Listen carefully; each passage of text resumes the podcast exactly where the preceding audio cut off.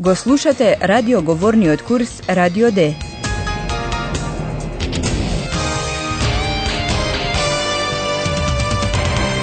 Заеднички проект на Гете институтот и Радио Дојче Веле. Авторка е Херат Мезе.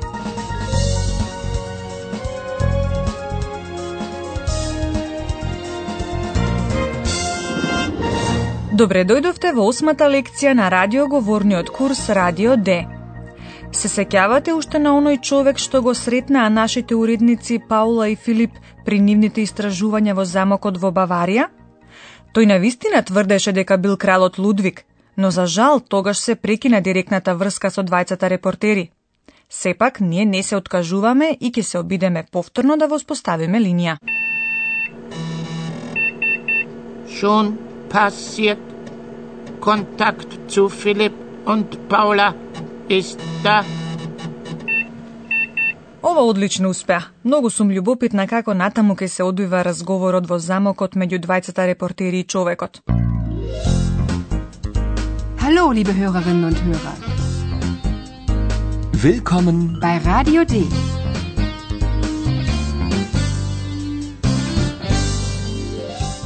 Radio D. Die Live-Reportage.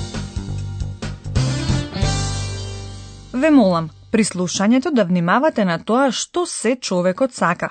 Тој набројува четири различни објекти. Кои се тоа? Ich bin König Ludwig. König Ludwig ist tot. Aber ich lebe. Was machen Sie hier? Hören Sie die Musik. Musik von Wagner.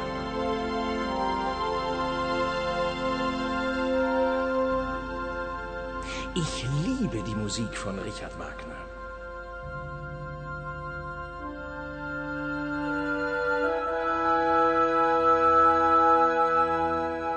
Sie sind König Ludwig? Aber ja, ich bin König Ludwig.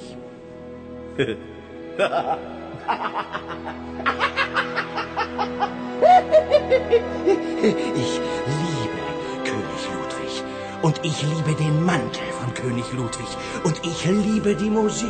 Und ich liebe die Natur. Und ich spiele. Und ich spiele.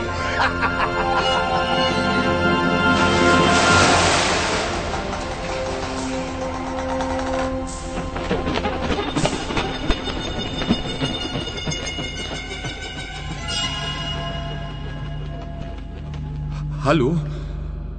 Ist da jemand? Сигурно разбравте дека човекот ја сака музиката. Музиката на композиторот Рихард Вагнер. Ich liebe die Musik von Richard Wagner. Ја сака и природата.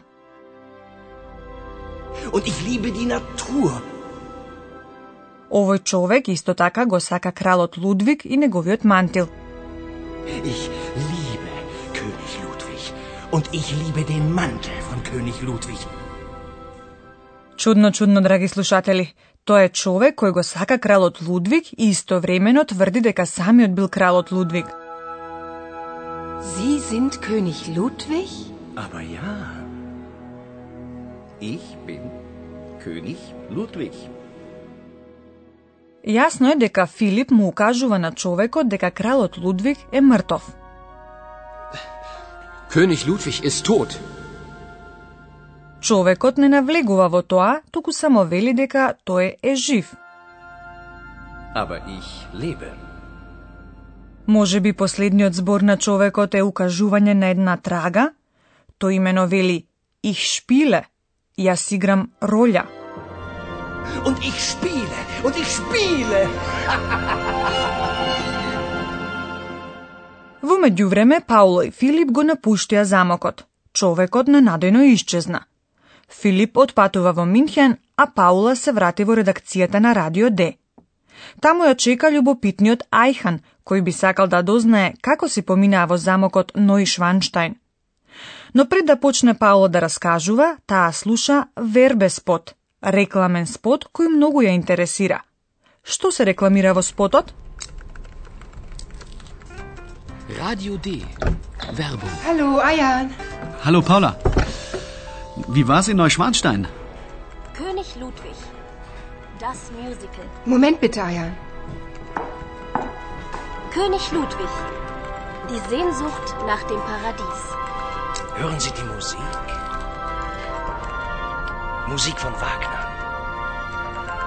Ich liebe die Musik von Richard Wagner.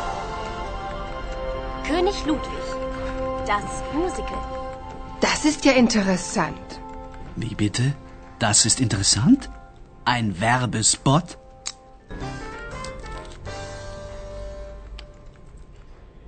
Во рекламниот спот се рекламира мюзикл, во кој станува збор за животот и смртта на кралот Лудвиг II. Мюзиклот за прв пат беше изведен во 2001 година и специјално за него беше изградена голема куќа на убаво езеро наспроти замокот Нојшванштајн. Но тоа не е она што ја интересира Паула. Das ist ja interessant. Wie bitte? Das ist interessant? Ein Werbespot?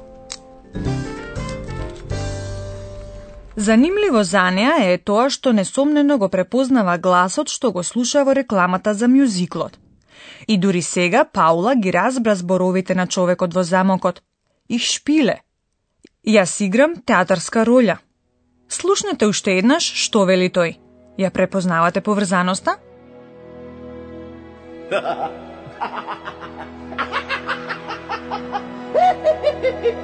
Ich liebe König Ludwig. Und ich liebe den Mantel König Ludwig. Und ich liebe die Musik. Und ich liebe die Natur. Und ich spiele. Und ich spiele. Поврзаноста е, но слушнете ја Паула која е многу лута на самата себе си. Решението ќе го најдете во зборот изведен од глаголот шпилен, во кој се појавува и коренот шпил, игра. Oh nein, bin ich blöd. Die Stimme, natürlich. Ich kenne die Stimme. Der Mann ist Schauspieler. Oh, Philipp, sind wir blöd. Човекот кого Паула и Филип го интервјуираа во замокот е актер. Der Mann ist Schauspieler. Паула го препозна по неговиот глас. Штиме. Die Stimme, natürlich. Ich kenne die Stimme. Актерот во мюзиклот го игра кралот Лудвиг и тој го рекламира мюзиклот со својот глас на радио.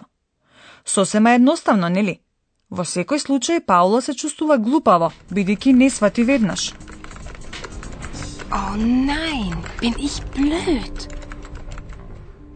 Кутрата Паула, но и ние не можеме да ја помогнеме, па му се обраќаме на професорот. Und nun kommt unser Professor. Radio D. Gespräch über Sprache.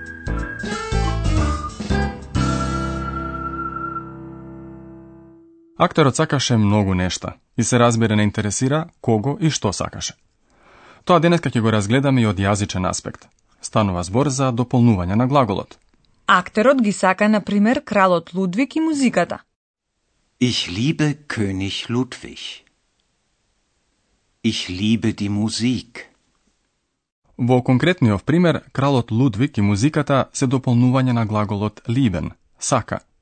Тоа се неопходни дополнувања или објекти во падежот акузатив. Дополнувањата во акузатив стојат после определени глаголи. Глаголот lieben, сака, значи секогаш има потреба од дополнување во акузатив, Така е, барем кога реченицата треба да биде граматички точна. Например, земете го глаголот kennen, познава. Во овој случај сакате да знаете кого или што познавате. Ich kenne die Stimme. Die Stimme, natürlich. Ich kenne die Stimme. но сакаме да знаеме и кој што познава. Секако. Тогаш станува збор за дополнување во падежот номинатив или субјектот. Во германскиот јазик глаголот речеси секогаш има потреба од дополнување во номинатив. Тоа може да биде, на пример, и лична заменка. Их, јас. Ich kenne die Stimme. Честопати дополнувањето е заменката das, тоа. Das ist ja interessant. Das ist ja interessant. Дополнувањето во номинатив може да биде именка, како на пример кралот Лудвиг или der Mann, човекот. König Ludwig ist tot. König Ludwig ist tot. Der Mann ist Schauspieler. Der Mann ist Schauspieler. Сега можете уште еднаш да ги слушнете сцените. Прво слушнете го разговорот со човекот во замокот.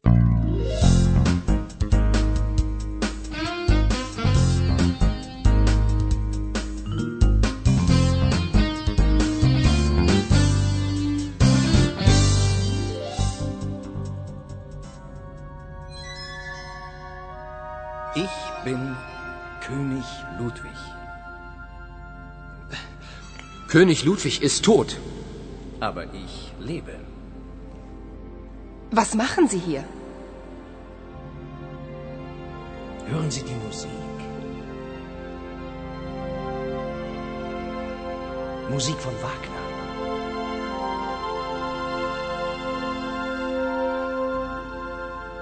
Ich liebe die Musik von Richard Wagner.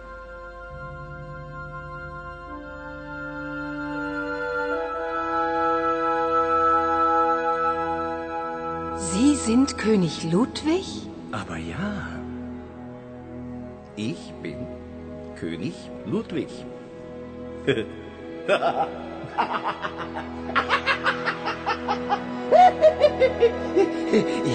liebe König Ludwig. Und ich liebe den Mantel von König Ludwig. Und ich liebe die Musik. Und ich liebe die Natur. Und ich spiele. Und ich spiele.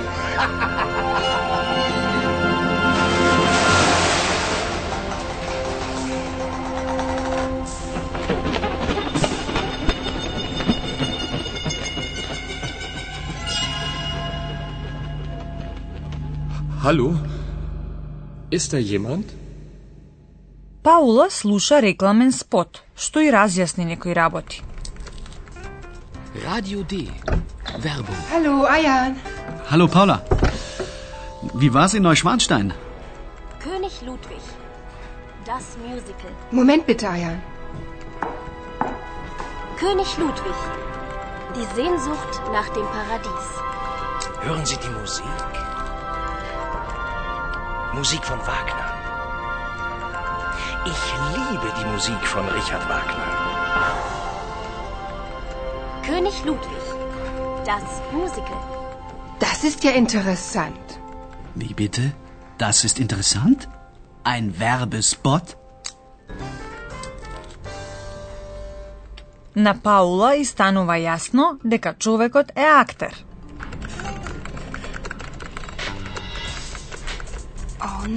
nein, bin ich blöd. Die Stimme, natürlich. Ich kenne die Stimme. Der Mann ist Schauspieler.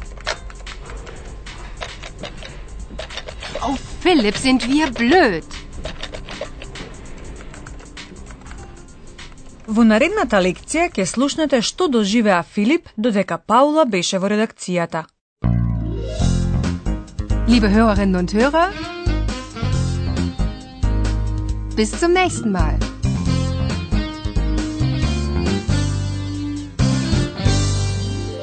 Го слушавте Радио Д, курсот по германски на Гете институтот и Радио Дојче Веле. Und tschüss.